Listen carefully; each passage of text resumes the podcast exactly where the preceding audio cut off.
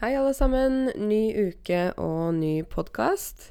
Um, jeg syns det er fint å være sånn ordentlig tilbake igjen, for jeg hadde da Hele forrige uke var jeg dårlig. Jeg hadde sånn Ja, det er sånn typisk sånn høstforkjølelse. Det er sikkert mange av dere som også har opplevd det uh, den siste tiden. Det er jo litt sånn akkurat skifte mellom uh, mellom sommer og høst, og etter hvert vinter. I dag så snødde det i Oslo. Jeg må bare si at jeg syns det er helt forferdelig. det er altfor tidlig. Um, det var jo ikke noe snø som la seg på bakken. Vi sier at snøen legger seg. Da, da smelter den ikke. Så denne snøen la seg ikke, den smeltet med en gang. Men det er liksom prinsippet at hallo, oktober, da er det høst. Det er ikke vinter. Men, jeg, men, tidene forandrer seg jo, og klimaet er jo mer ustabilt enn hva det pleide å være før. Før var det litt mer forutsigbart. At noe er forutsigbart, betyr at man vet hva som kommer. Så da var jo eh, Vi kan si årstidene mer forutsigbare. Det var liksom høst. Det var september, oktober, november. Og så kunne det komme snø i slutten av november. Men så ville det da være vinter, desember, januar, februar. Og så begynte våren igjen i mars, april, mai. Og så var det sommer, juni, juli, august. Sånn var det alltid før. Um, vi har jo fire årstider i Norge, ikke sant? Vi har, som det er nå, høst, og så vinter, vår og sommer. Men nå lurer jeg litt på hva slags uh, årstider vi får etter hvert. Fordi det er jo nå uh, et stort skifte, på en måte, i disse årstidene. Um, vinteren varer lenger. Sommeren har vært til tider ekstremt varm. Jeg hørte på radioen på morgenen i dag at det var, det var i Hardanger på Vestlandet. Der hadde de fått så ekstremt mye epler og plommer Um, så mye at de ikke klarte å liksom pakke eplene og få sendt de ut i butikken, og de hadde ikke plass til å lagre alle eplene og plommene. og dette er jo sånn på grunn av klima, ikke sant? Fordi det han, han som eier De har et sånn slags fruktpakkeri, der de pakker frukt da, og sender ut til butikkene rundt i Norge. Han sa det at Vanligvis uh, den, så er det sånn at denne mengden epler vi har fått nå, det får vi vanligvis på åtte uker, men nå har vi fått like mye epler på fire uker. Og vi er ikke klar til det. Vi har ikke rom til å ha alle eplene i. Vi har ikke esker. Vi har ikke kapasitet. Vi har ikke ansatte nok til å pakke alle eplene og sende de ut fort. Så han var fortvilet. Eller på min dialekt fortvila. Å være fortvila, det betyr at man er stressa, redd og ikke vet hva man skal gjøre. Vi har sikkert alle vært fortvila av og til. F.eks. de som har uh, en liten baby som gråter og gråter og gråter og gråter, og du prøver å gjøre alt, men ingenting hjelper. Da blir du veldig fortvila. Um, fordi du, du er redd, du er stressa, du vet ikke hva du skal gjøre. Så denne bonden, da, eller han mannen som hadde dette fruktpakkeriet, han var veldig fortvila fordi han visste ikke hva han skulle gjøre med saken. Så klimaendringer er hele tiden uh, aktuelt. Det har jo vært mye inn i mediene om Greta Thunberg, som jeg snakket om i forrige podkast. Uh, eh, hvor hun har blitt hetset av egentlig mange voksne. Å bli hetset betyr at uh, noen snakker veldig stygt til deg. Uh, og kaller deg forskjellige navn. Uh, skriver stygge ting og sånn. Jeg synes jo at det er lavmål å gjøre det mot et barn. Lavmål betyr at noe er veldig lavt uh, Oi, her kommer det meldinger på dataen. at noe er veldig lavt nivå, da. Ikke sant? Um, sånn at jeg jeg syns det er veldig lavt nivå. Det er lavmål å kritisere en engasjert ungdom uh, som bare på en måte er uh, Hun er fortvilet. Hun Greta Thunberg er fortvilet eller fortvila. Um, det er noen som sier at nei, men Greta Thunberg, hun, uh, hun er ikke bare Greta Thunberg. Det er mange som står bak henne og har laget henne til den personen hun er, og har gjort at hun er som en slags robot, da vil jeg si at nei, jeg tror ikke det. Um, som lærer, da, så ser jeg jo på henne når jeg ser denne videoen hvor hun snakker ikke sant, i dette klimatoppmøtet i New York. Og jeg ser egentlig en jente som er veldig fortvila, desperat, um, sint. Jeg tror det er helt ekte følelser. Det er ikke noe kunstig eller falsk ved det. Så jeg synes at man må være litt forsiktig med å kaste ut sånne usannheter eller sånne type ting, da. Ikke sant? Man må være litt mer um, Tenke litt mer. Og så skjønner jeg heller ikke at uh, folk gidder å bli sint på en ung jente som bare er engasjert i klimakrisen, um, da. Hvorfor skal man bli sint på henne? Jeg vet ikke. Har ikke folk noe annet å gjøre? ja, jeg skjønner ikke helt det. Men jeg synes noen ganger, det har jeg jo snakket om før, at folk er veldig opptatt av hva alle andre gjør, og kritisere og sjekke og følge med og Ikke sant? Og da tenker jeg hallo, skaff deg et liv! Å skaffe seg betyr at man får tak i noe, at man får noe. Du må få deg et liv. Å få seg et liv betyr du må ha hallo, du må ha noe å gjøre. Du må lage deg Altså, du må få et liv sånn at du har noe annet å bry deg med. Ikke sitte og bry deg med andre folk som gjør sånn og sånn. Uh, Se heller litt mer på deg selv. Så sånne folk ikke sant, som sitter og kritiserer på Facebook og skriver masse greier, da sier jeg skaff deg et liv. Gå ut i skauen. gå på sopptur og plukk sopp, eller uh, gå på treningsstudio. Tren. Få ut frustrasjonen på en annen måte enn å sitte og skrive stygge meldinger. Det er bare tull. Så jeg har jo alltid reagert veldig på urettferdighet. Jeg liker ikke når noe er urettferdig, eller hvis noe er skjevt. Du vet Hvis noe er rett. Eh, ikke, ikke, som rett og galt, men at det er rett. Da er man liksom sånn eh, Det er ikke sånn på én side eller på den andre siden. Det er f.eks. en linje. En rett linje i matematikken, ikke sant? En rett linje. Og så hvis du har en skjev linje, da går den nedover på den ene eller på den andre siden. Det er skjevt. F.eks. i Italia så er det et tårn som er tårnet i Pisa. En by som heter Pisa. Det skjeve tårnet i Pisa. Det er et sånt tårn. Tower på engelsk, sier man. Det er skjevt. Så jeg liker ikke når det er skjevt i samfunnet, da. At ting er veldig urettferdig. Det er sånn som provoserer meg veldig. det klarer jeg ikke helt å takle. Så ja. Jeg eh, Altså, vi har jo alle våre refleksjoner rundt forskjellige ting. Jeg synes det er viktig uansett å ha en mening da, om noe, å være litt engasjert og bry seg. Ikke bare si 'ja, jeg vet ikke', samme for meg. Ikke sant? Men man må, man må følge med litt. Og i hvert fall hvis man um, ønsker å være Hvis vi snakker om norsk, da. Hvis man ønsker å være på et høyere nivå, norskmessig, da må man følge med litt i samfunnet. Man må vite litt hva som skjer, rett og slett. Jeg har jo vært litt rundt omkring, litt her og der, eh, på besøk i det siste. Um, jeg har vært uh, flere steder, egentlig, hvor jeg har uh, besøkt um, voksenopplæringssenteret i um, Både i Drammen, og jeg var her Det var mandag. Ja, mandag denne uken her. Så var jeg i Sarpsborg og Fredrikstad.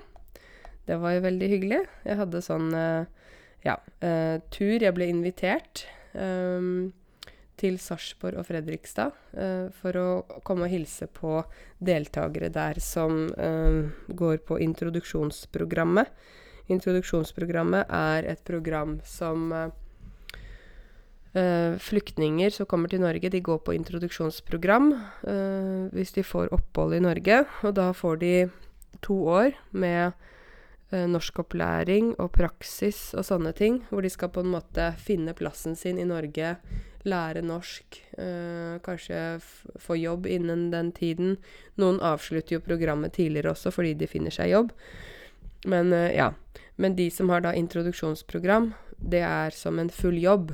Det betyr at de ikke har um, høstferie og sånn. De er ikke vanlige skoleelever. De må, ha, de må komme i høstferien, de må komme i vinterferien. De har kortere sommerferie fordi staten sier at OK, hvis du skal motta penger, da må du på en måte gjøre noe aktivitet for det. Så derfor var det høstferie da denne uka her.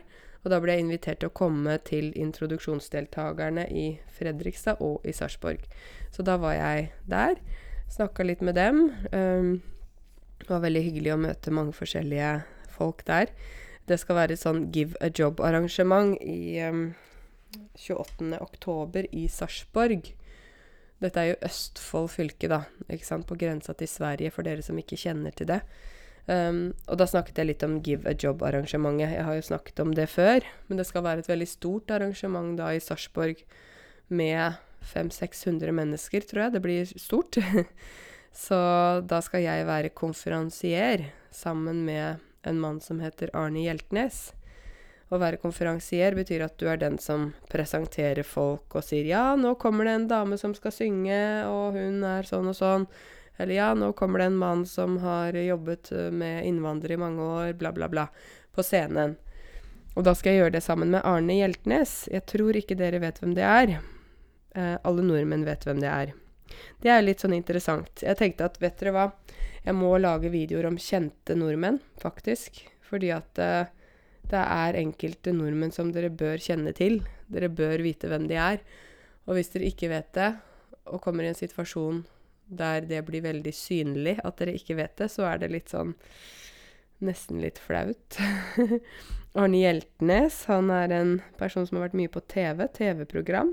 Han har uh, reist uh, rundt på forskjellige programmer, særlig et program som het Gutta på tur, som var veldig populært. Det var Uh, han, Arne Hjeltnes, og så var det Vegard Ulvang og Bjørn Dæhlie. Det var to store langrennsløpere, skiløpere, som var, har vunnet mange gullmedaljer. Uh, og så var det Arne Brimi, og Arne Brimi er en veldig kjent kokk som lager norsk mat. De fire gutta på tur, de har vært da rundt omkring i Norge og rundt omkring i verden og lagd mat og hatt sånn reiseprogram, da. Men uh, ja. I hvert fall jeg og Arne Hjeltnes skal stå på scenen, og det er litt rart for meg å stå på scenen med Arne Hjeltnes. for jeg har jo alltid sett han på TV, ikke sant? Og plutselig så står jeg der sammen med han og er konferansier. Det er sånn What? Hva skjedde? um, dere har kanskje merket at her i Norge så er vi ikke så opptatt av kjendiser. En kjendis er da en person som er veldig kjent. Noen kaller meg nå kjendis blant innvandrere. Jeg er vel kanskje blitt det, men det er veldig rart for meg. Her i Norge er vi ikke så opptatt av kjendiser. Vi er ikke så veldig sånn øh, Hvis jeg ser Erna Solberg, da, statsministeren, på gata, så er det ikke noe sånn Wow, det er Erna Solberg! Å! Herregud, der går statsministeren! Oi! Det er liksom Oi, der gikk statsministeren. Ja, OK. Ikke sant? Eller hvis jeg ser en kjent artist på gata, på bussen Fordi folk her i Norge går jo ute. Det er ikke sånn at de går rundt med sånn uh, sikkerhetsvakter eller kjører i limousin og sånn.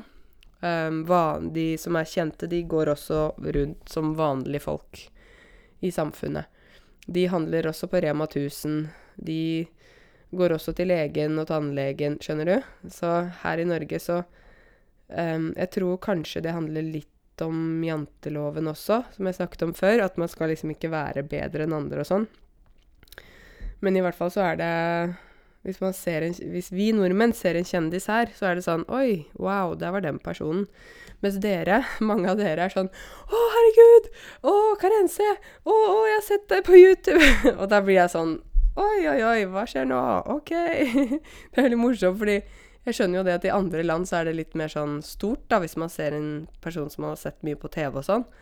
Mens vi nordmenn er sånn OK, hva skjer nå? fordi vi selv er ikke sånn mot kjendiser, da. Så hvis jeg ser en kjent artist her på gata, så er det ikke noe sånn at jeg går, går rundt og 'Å, kan jeg ta bilde med deg?' Da blir jeg mer flau. Så jeg tar ikke bilde med uh, den kjendisen, da. Men jeg har jo sagt til dere, og jeg håper dere forstår det, at dere, det er veldig hyggelig om dere kommer bort og sier hei. Hvis dere ser meg på gata eller i byen der dere bor, og Jeg reiser jo litt rundt. Så det syns jeg er veldig hyggelig. Um, og jeg skjønner at det er forskjell fra nordmenn. Nordmenn er jo veldig rare folk, da. ikke sant?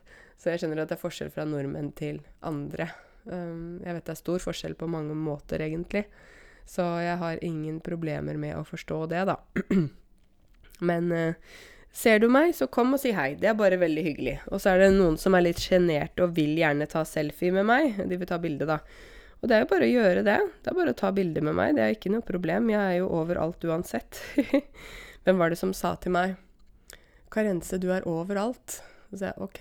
Ja, du er på Facebook, og du er på YouTube, og du er her, og du er der. Jeg ser ansiktet ditt overalt. Så jeg ikke Oi, stakkars.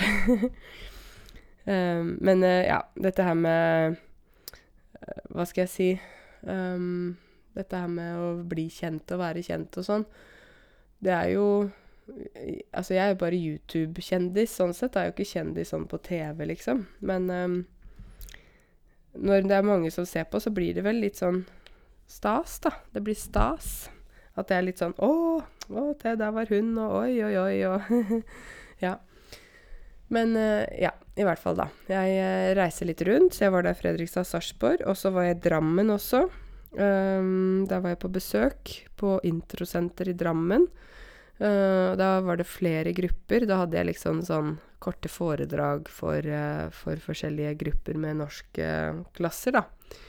Og snakket om norskopplæring og ja, både YouTube og podkast og den her Hear Me Out-appen og Facebook-gruppe, og så gjorde vi også litt øvelser og sånn, da, sånn andre ting jeg lærte dem. Um, og i Drammen kommune så har de faktisk også sponset helsefagarbeidere med norskkurs for å komme opp til B2-nivå. Å sponse betyr at man betaler for andre. Så Eller spandere, men sponse er mer sånn jobbsammenheng, da. Så de Det var Hvor mange var de? Kanskje 50? i den gruppa jeg hadde. Det var to grupper. De har blitt sponset av Drammen kommune til å få norskkurs for å komme opp til B2-nivå. Uh, eh, eller i hvert fall prøve. Og de får uh, Kurset er på dagtid, og de får lønn mens de går på norskkurs. Tenk deg det. Så de, de, mister ikke lønn, og samtidig får de gratis kurs. Så det er jo veldig sjenerøst av Drammen kommune. Men jeg tror det er en veldig lur investering, da. Fordi investering betyr at man putter penger inn i noe som senere kan bli mer penger. Så ikke bare penger, da, men det kan også være andre ting. F.eks. Drammen kommune investerer i norskkurs, og resultatet av det er ikke mer penger, men det er bedre eh, situasjon for både de som jobber innen helse, deres kollegaer, og selvfølgelig pasienter og brukere, da, fordi de forstår eh, Kommer til å forstå hva de sier bedre, og det blir bedre kommunikasjon. Så det er jo en vinn-vinn-situasjon, egentlig. Så jeg syns det var fantastisk. Jeg hadde den gruppa med bare damer. det var veldig hyggelig. Og da snakket vi om litt om B2-eksamen og alt det der. Og det er mange som har bodd i Norge lenge, men som ser på det som en ganske stor utfordring å klare B2-eksamen. En utfordring er jo noe som er et ikke et problem, men noe som er litt vanskelig, som man må prøve å løse, da. Ikke sant? Så ja. Jeg snakket med dem også om at jeg skal ha et nytt B2-seminar i november i Oslo, på samme sted som jeg hadde i september. Um, og det er jo fordi at jeg, jeg fikk veldig mange gode tilbakemeldinger på det seminaret jeg hadde i september. Um, jeg hadde jo mange deltakere som var med på det seminaret i Oslo. Og eh, da snakket jeg spesifikt om B2 skriftlig eksamen. Eh, hadde, de hadde allerede fått oppgaver på forhånd, så mange hadde skrevet og sendt oppgaver til meg. Og så hadde jeg tatt ut noen av de oppgavene som jeg synes var gode, som jeg hadde korrigert og vurdert. Så vi så på de oppgavene sammen. Så jeg tror det var veldig lærerikt. Og så fikk de jo snakke sammen med andre folk som er i samme båt, for det er jo ofte også veldig fint å kunne snakke med noen som er i samme situasjon som seg selv, og forstå at man ikke er alene. Det var noen som sa 'Jeg har tatt norskprøven så mange ganger'. Jeg har tatt den fem ganger, og en annen hadde tatt den seks ganger, og en annen hadde tatt syv ganger, ikke sant? Og da tenker jeg å, kjære vene. det, er sånn, det er sånn litt gammelt uttrykk. Kjære vene. Det betyr oh dear. Oh my god. Ja, ikke Gud egentlig, men kjære vene. Um, så mange ganger de har tatt denne prøven og ikke bestå gang på gang. Det betyr igjen og igjen. Ikke bestå gang på gang. Det må jo være veldig frustrerende. Um, og da tenker jeg at det må jo være noe litt feil i systemet vårt også som gjør det så vanskelig å bestå, ikke sant? Dette har jeg snakket om mange ganger. Um, har, nå må jeg ta Nå hører du en lyd. Nå må jeg ta pulten min litt ned. Fordi nå har jeg stått i Sånn. Jeg har stått i um, to timer. Jeg har sånn pult sånn vi kaller for heve-senk-pult. En pult der jeg bor til jobbing. Eller studere. Så jeg pleier å stå og sitte. Varierer, da. Så jeg vil ikke sitte hele dagen på kontoret. Det er ikke noe bra. I hvert fall. Jo, tilbake til dette med B2 skriftlig. Um, jeg, jeg, har Jeg har fått flere forslag fra mange om Kunne ikke du gått inn i politikken, Karense? Kunne ikke du blitt politiker? Du har så mye å komme med. Du vet så mye mer enn mange andre. Uh, særlig når det gjelder innvandrere. Du har stor kompetanse på det feltet. Og så tenker jeg nei, altså jeg, jeg vil ikke bli politiker, fordi det som er frustrerende med politikken, er at ja, man kan gjøre en forskjell, men man må jo liksom hele tiden Det er jo demokrati her, ikke sant? Så at uh, jeg kan ikke Hvis jeg var politiker, da, uh, i et ledende parti, så kan ikke jeg bare bestemme noe. Jeg må jo hø høre med det andre partiet. Og vi må ta forslaget opp i, i, regjeringen og snakke om ting. Og ja, jeg føler at det tar veldig mye tid. Men det jeg tror jeg kan bidra med, det er å kanskje endre folks holdning litt etter hvert når det gjelder innvandrere. Um, jeg fremsnakker jo dere. Å fremsnakke betyr Det er det motsatte av å baksnakke. Baksnakke, da snakker man bak ryggen til andre når de ikke hører. Men jeg fremsnakker dere uh, til vanlige nordmenn som jeg møter. Til uh, folk som er litt viktige, som sitter litt oppe i systemene. Fordi jeg føler at grunnen til at kanskje det er en del fordommer ute og går Det er sånn uttrykk. Det er fordommer ute og går Fordommer betyr at man allerede har en mening om noe eller noen som man egentlig ikke vet noe om. F.eks. man sier ja, alle afrikanere er sånn, eller alle russere er sånn. Det er fordommer. Da har man allerede tatt noen konklusjoner ut ifra egne ideer, men man vet egentlig ikke. Så hvis man sier at ja, alle nordmenn er inneslutta og reserverte, det er jo også en fordom. Fordi ikke alle er det. Jeg er ikke inneslutta og reservert, tror jeg. Nei, det vet jeg faktisk. Jeg er ikke det. Så jeg jeg syns det med fordommer, da vi, Når det er fordommer ute og går, da må vi prøve å gjøre noe med det. Og hvordan kan man gjøre noe med det? Hvordan kan jeg påvirke nordmenn som har fordommer mot innvandrere, til å bli mer positive mot innvandrere? Vel, da må jeg fortelle om konkrete eksempler. Jeg må fortelle om mennesker jeg har møtt. Personer som har gjort noe bra. Uh, innvandrere som uh, har fått til mye, som har klart mye, som har starta bedrifter, som har fått seg jobb, som har klart seg uh, godt i Norge. Jeg må fortelle om de, fordi jeg føler at de suksesshistoriene ofte ikke kommer frem, da. Det er jo mye negativt i nyheter og sånt om eh, innvandrere, om forskjellige religiøse grupper og sånn. Um, men jeg føler jo at dette handler om mangel på kunnskap. Ofte. At de som skriver og mener så mye om det, de kjenner kanskje ikke så mange innvandrere. Kjenner kanskje ikke så mange personer fra f.eks. den eller den gruppen med religion eller noe sånt. Uh, jeg husker min mamma, hun sa til meg Det var mange år siden. Um, da uh, vi snakket om det med noe innvandring og sånn, tror jeg, i forbindelse med min jobb. Og så sa mamma Nei, jeg kjenner liksom ikke så mange fra andre land, jeg. Ja. Så jeg vet ikke så mye, nei. Jeg vet ikke, det er jo De må jo tilpasse seg Norge, og de må jo forstå at når de bor her, så må de gjøre sånn og sånn. Og så sier jeg å ja, kjenner du ikke så mange? Så sier jeg OK, mamma, men uh, Naboene dine, kommer ikke de fra Eritrea? Å jo, ja, men de er jo Nei, men altså, de er jo ikke sånn. De er jo De er jo liksom integrert og Så ja, men de kommer fra Eritrea. De kommer fra et land i Afrika. Ja, men det er ikke sånn det egentlig er, da. Ikke sant? Da sa de på en måte det. Mamma sa det. At nei, det var Ja, det var ikke Det gjaldt ikke denne familien.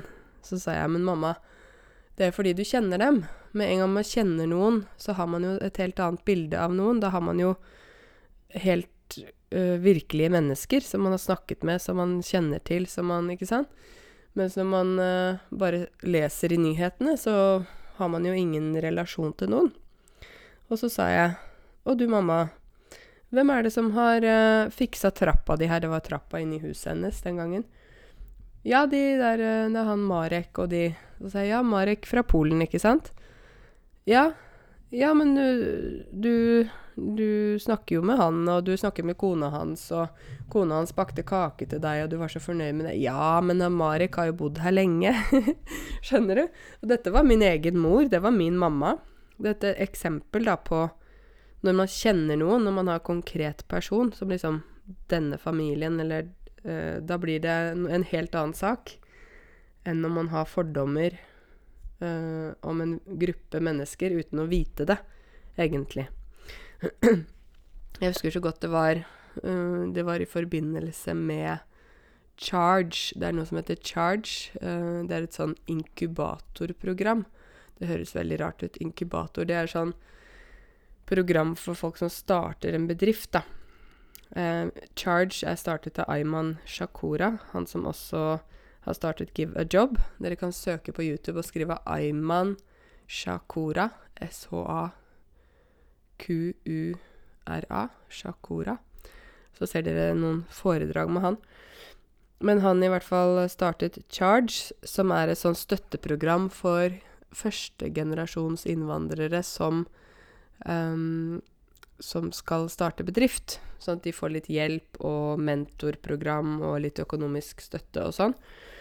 Og da var jeg på i fjor, når de skulle ha sånn uh, Starte opp med nye startups. Startups er jo et, en bedrift som nettopp har startet. Vi bruker jo det ordet på norsk også, startups. Da skulle de pitche. Og pitche er jo egentlig et verb som kommer fra engelsk, to pitch. Og pitche betyr at man skal liksom fortelle veldig kort om firmaet sitt. Og overbevise folk om at 'Å, kult, dette er veldig bra'. Ikke sant? Så man pitcher på Kanskje man har tre minutter, eller noe sånt. Og disse forskjellige firmaene, da eh, De hadde jo Det var alle mulige slags firmaer, egentlig. Men det var en mann der som hadde et firma. Uh, han var uh, opprinnelig fra Somalia. Og han hadde uh, laget et uh, Starta et eget firma, et eget selskap, og skulle pitche, fortelle om produktet han solgte. Han hadde laget en robot som skulle ta opp grus fra bakken. Du vet, når vinteren er over, så ligger det veldig mye grus, små steiner, på bakken. Fordi man har strødd grus på isen om vinteren. og strø, ikke sant. Strø sukker på jeg vet ikke. Strø sukker på kaka, kanskje. Eller Ja. Så da er det jo veldig mye grus på gatene, og så kjører jo kommunen med sånne store maskiner, men han hadde laget da en liten robot som kunne ta opp denne grusen. Så står han der og pitcher, han forteller om denne roboten og sånn og sånn, og så sier da Ayman Du, du må fortelle at du har en doktorgrad fra Harvard University i robotics. det var så morsomt fordi Um, mange har kanskje sånn tanke om Ja, det har vært, dessverre vært skrevet mye negativt om somaliere i nyhetene, og jeg syns det er veldig ufortjent. Jeg syns det er urettferdig at det har blitt skrevet så mye negativt, fordi somaliere er også uh, en uh, Det er veldig mange somaliere som gjør det veldig bra i Norge. Både starte bedrifter og tatt høy utdannelse og sånne ting. Så det var litt sånn gøy, fordi jeg tror noen nordmenn kanskje har sine tanker om somaliere pga. det de da har lest i nyhetene. Og så står det en mann der som har doktorgrad i robot, robotics, da. Altså doktorgrad innenfor robotteknologi. Som har starta firma, som står der og bare prater og Da jeg så at noen, noen ble litt lange i maska Lang i maska betyr at ansiktet blir litt langt. Bare ha? Doktorgrad? Så det syns jeg var veldig gøy. Jeg syns det, det, er veldig gøy når man møter Når noen møter seg selv i døra. Husker du, Har du sett YouTube-videoen min om det, å møte seg selv i døra? Ikke sant? Det betyr du sier én ting, og så kommer det mot deg en annen gang, da. Så for eksempel du sier til barna dine 'ikke røyk', og så i neste sekund så ser f.eks. dattera di at du står ute og røyker. Da møter du deg selv i døra, for du kan ikke fortelle henne 'ikke røyk' når du røyker som en svamp. Svamp som man brukte til å vaske tavla med på skolen før. Man hadde sånne svarte og grønne tavler, blackboard. Så brukte man svamp. Å røyke som en svamp, da røyker man så all røyken går inn i kroppen. Det er ikke bra, dere. Um, ja. Nei, um, så dette med fordommer og det med kanskje å gi hverandre en sjanse før man på en måte har eh, bestemt seg for hvordan ting er, det, det syns jeg er veldig viktig. Det er veldig, veldig viktig. For da på den måten, hvis vi møter verdens på den måten, så kan vi også um, kanskje lære noe. Vi kan åpne øynene våre. Vi kan bli litt mer opplyste. Og det gjelder alle. Begge veier, ikke sant? Um, nordmenn kan bli mer åpne i forhold til innvandrere. Men innvandrere kan også kanskje bli litt mer åpne i forhold til nordmenn. I forhold til det at ikke alle nordmenn er like. Ikke alle nordmenn er reserverte og sjenerte og, og, avvisende, da. Avvise betyr at man liksom sier 'nei, gå vekk'. ja. Så Nei, det er, det er viktig. Um, jeg uh, har jo egentlig Sånn sett for tiden så har jeg mye å gjøre. Um, men jeg føler at nå har jeg fått hodet over vann litt når det gjelder liksom sånn i forhold til bedriften min og ting jeg gjør. Um, jeg hadde jo hatt noen store konferanser i høst som har vært litt sånn Du vet når du skal gjøre noe som du Det er gøy å gjøre det, men samtidig så tenker du f.eks. eksamen, da. Det er ikke gøy med eksamen, altså, men det er litt sånn Er på en måte litt spennende samtidig. Og så tenker du 'Å, hvordan skal jeg gjøre dette?' og 'Å, hva skal jeg gjøre?' Så blir det sånn mye stress. Uh, nå er jeg ferdig med disse uh, presentasjonene og sånn jeg hadde, så nå føler jeg at nå, nå er liksom Nå har ting roet seg ned. Ting har roet seg ned, så nå, nå syns jeg at det er litt bedre uh, å jobbe og få til ting. Jeg har jo en del planer utover i høst. Um, jeg har en del nye kurs som jeg skal publisere på nettsiden min. Jeg vet ikke om du har vært på nettsiden min. Det er ganske enkelt å skrive. Det er www.note.no. Uh, og der skal jeg nå uh, ha publisert uttalekurs. Så noen som da, eller de fleste, trenger egentlig å trene på uttale. Det er et uttalekurs. Og så har jeg også Jeg skal publisere nå engelskkurs, for jeg er jo også engelsklærer. Og i tillegg så har jeg noen engelsklærere som også skal jobbe med meg. Eh, for jeg vet at det er mange som trenger å lære engelsk også. Det er ikke bare norsk. Eh, så engelskkurs. Og så skal jeg også etter hvert ha matematikkurs for uh, opp til videregående nivå. Der har jeg en veldig flink matematikklærer som jeg jobbet sammen med før naturfag. Uh, og så samfunnsfag har jeg jo også. Det har jeg hatt lenge, da. Samfunnskunnskap 50 timer. Jeg tenkte faktisk at jeg skal lage noen videoer på YouTube om samfunnskunnskap 50 timer. Fordi at det er mange som tar uh, det kurset. Um, og som også tar samfunnskunnskapsprøven. Og jeg tenker at det er noen ting som du faktisk ikke kan lese deg til. Å lese seg til noe betyr at man uh, um, leser som man vet. Men du kan ikke lese deg til hvordan norske foreldre tenker med barneoppdragelse, eller hvorfor nordmenn er så reserverte, eller sånne ting. Så jeg tenkte at jeg skulle snakke litt om sånt forskjellig, da, fordi det samfunnskunnskapskurset er et kurs som veldig mange, ikke alle, men veldig mange må ta det kurset eh, innen tre år fra de kommer til Norge. Um, og det er jo F.eks. de som har introduksjonsprogram, som jeg snakket om tidligere. Og uh, de som er såkalte expats, eller skilled workers, folk som kommer hit for å jobbe. Som kommer utenfra Europa. Og så er det også de som etter hvert vil søke norsk pass. Og da er det også de som kommer fra Europa. Da må de ta det kurset og ta eksamen. Og um, det kurset har da syv kapitler. Det er, eh, hvis dere ikke vet om det, det er ny innvandrer i Norge. Som handler om liksom ja, det å være ny i Norge og alt det der. Historie, geografi og levesett, altså norsk historie, norsk geografi og levesett. Hvordan vi lever her i Norge, hvordan vi vel, livsstilen vi har. Barn og familie. Dette har jeg jo snakket om litt før også, i forhold til barneoppdragelse og sånne ting. Og helse er et kapittel der de snakker om uh, både helsesystemet og uh, deg og din egen helse og folkehelse og sånne ting. Også utdanning og kompetanse. Da snakker man om utdanningssystemet i Norge, og også dette med voksenopplæring og opplæring etter man er ferdig med å studere. Videreutdanning kaller vi det. F.eks. man er sykepleier, men man tar videreutdanning innenfor tropisk medisin, f.eks. Og så er det arbeidsliv. Det er eh, et kapittel på det samfunnskunnskapskurset. Da lærer man om norsk arbeidsliv og regler og litt historie og hvordan ting fungerer og sånne ting. Og så er det demokrati og velferdssamfunn. Da lærer man om det norske demokratiet, hvordan det er bygget opp. Um, politiske partier, Stortinget, regjeringen, monarkiet.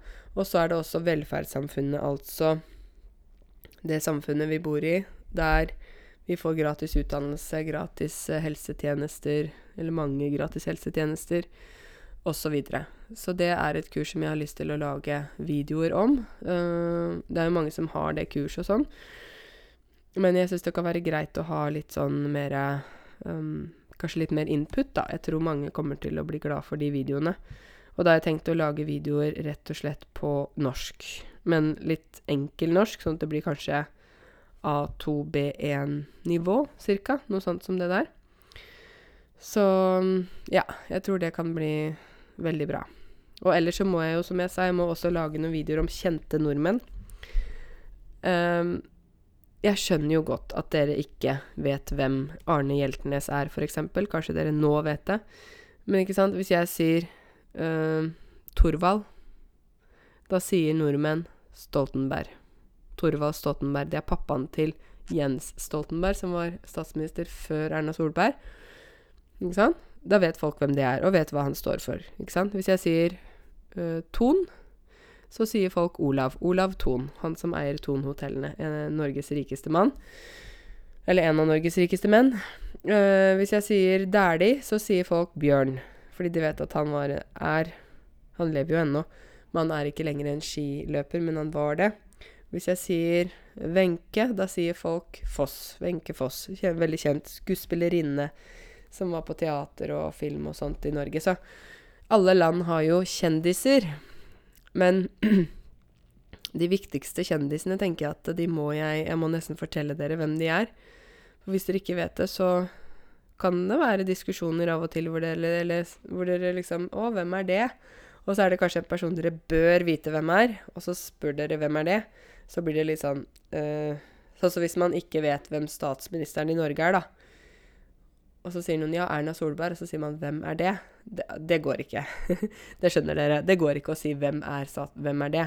Hvis man, hvis man er helt ny i Norge, ok, greit. Men hvis man har bodd der en periode, så kan man ikke si 'hvem er Erna Solberg' når det er statsminister. Det mener jeg at det Ja.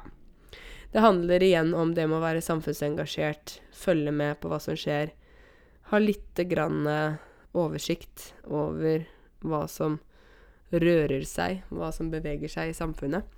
Og da, da er man liksom litt mer med, da, tenker jeg. Så ja, jeg skal hjelpe dere med det. Jeg tror at dere, det kan være fint for dere å få litt hjelp, fordi dere vet jo ikke hva må dere kunne, hva bør dere kunne? Hva er fint hvis dere kan, eller hva er liksom Ja, ikke sant? Så det er veldig fint hvis dere kan ha noe sånn Få noen retningslinjer, da. Jeg tenker at uh, Jeg tror nordmenn er for dårlige til å dele om sin egen kultur. At det er så veldig privat. Det er så vanskelig å liksom finne ut hva er det nordmenn tenker, hva er det egentlig som Hva er det, hva er det, hva er det som bor i de? Så jeg får hjelpe dere litt med det. Jeg vet hva som bor i nordmenn, nordmenn flest, men jeg har også et annet perspektiv, ikke sant. Fordi at jeg har reist mye, og fordi at jeg er den jeg er. Så jeg, jeg kan se det fra det norske ståstedet, men jeg kan også se det fra et internasjonalt perspektiv. Så jeg tror jeg kanskje da er rett person til å fortelle dere hva som er hva, og hvem som er hvem, og alt dette her. Så jeg skal hjelpe dere. Men dere, nå skal jeg ha time med en av mine nettstudenter, så da må jeg gå. Men jeg eh, ønsker dere en fin dag videre. Nå er det jo fredag, så jeg sier god helg. Og så høres vi. Send meg gjerne e-post hvis du har forslag til temaer som jeg kan snakke om i podkasten. Da er eh, e-postadressen min karensealfakrøllnote.no. Så velkommen alle forslag.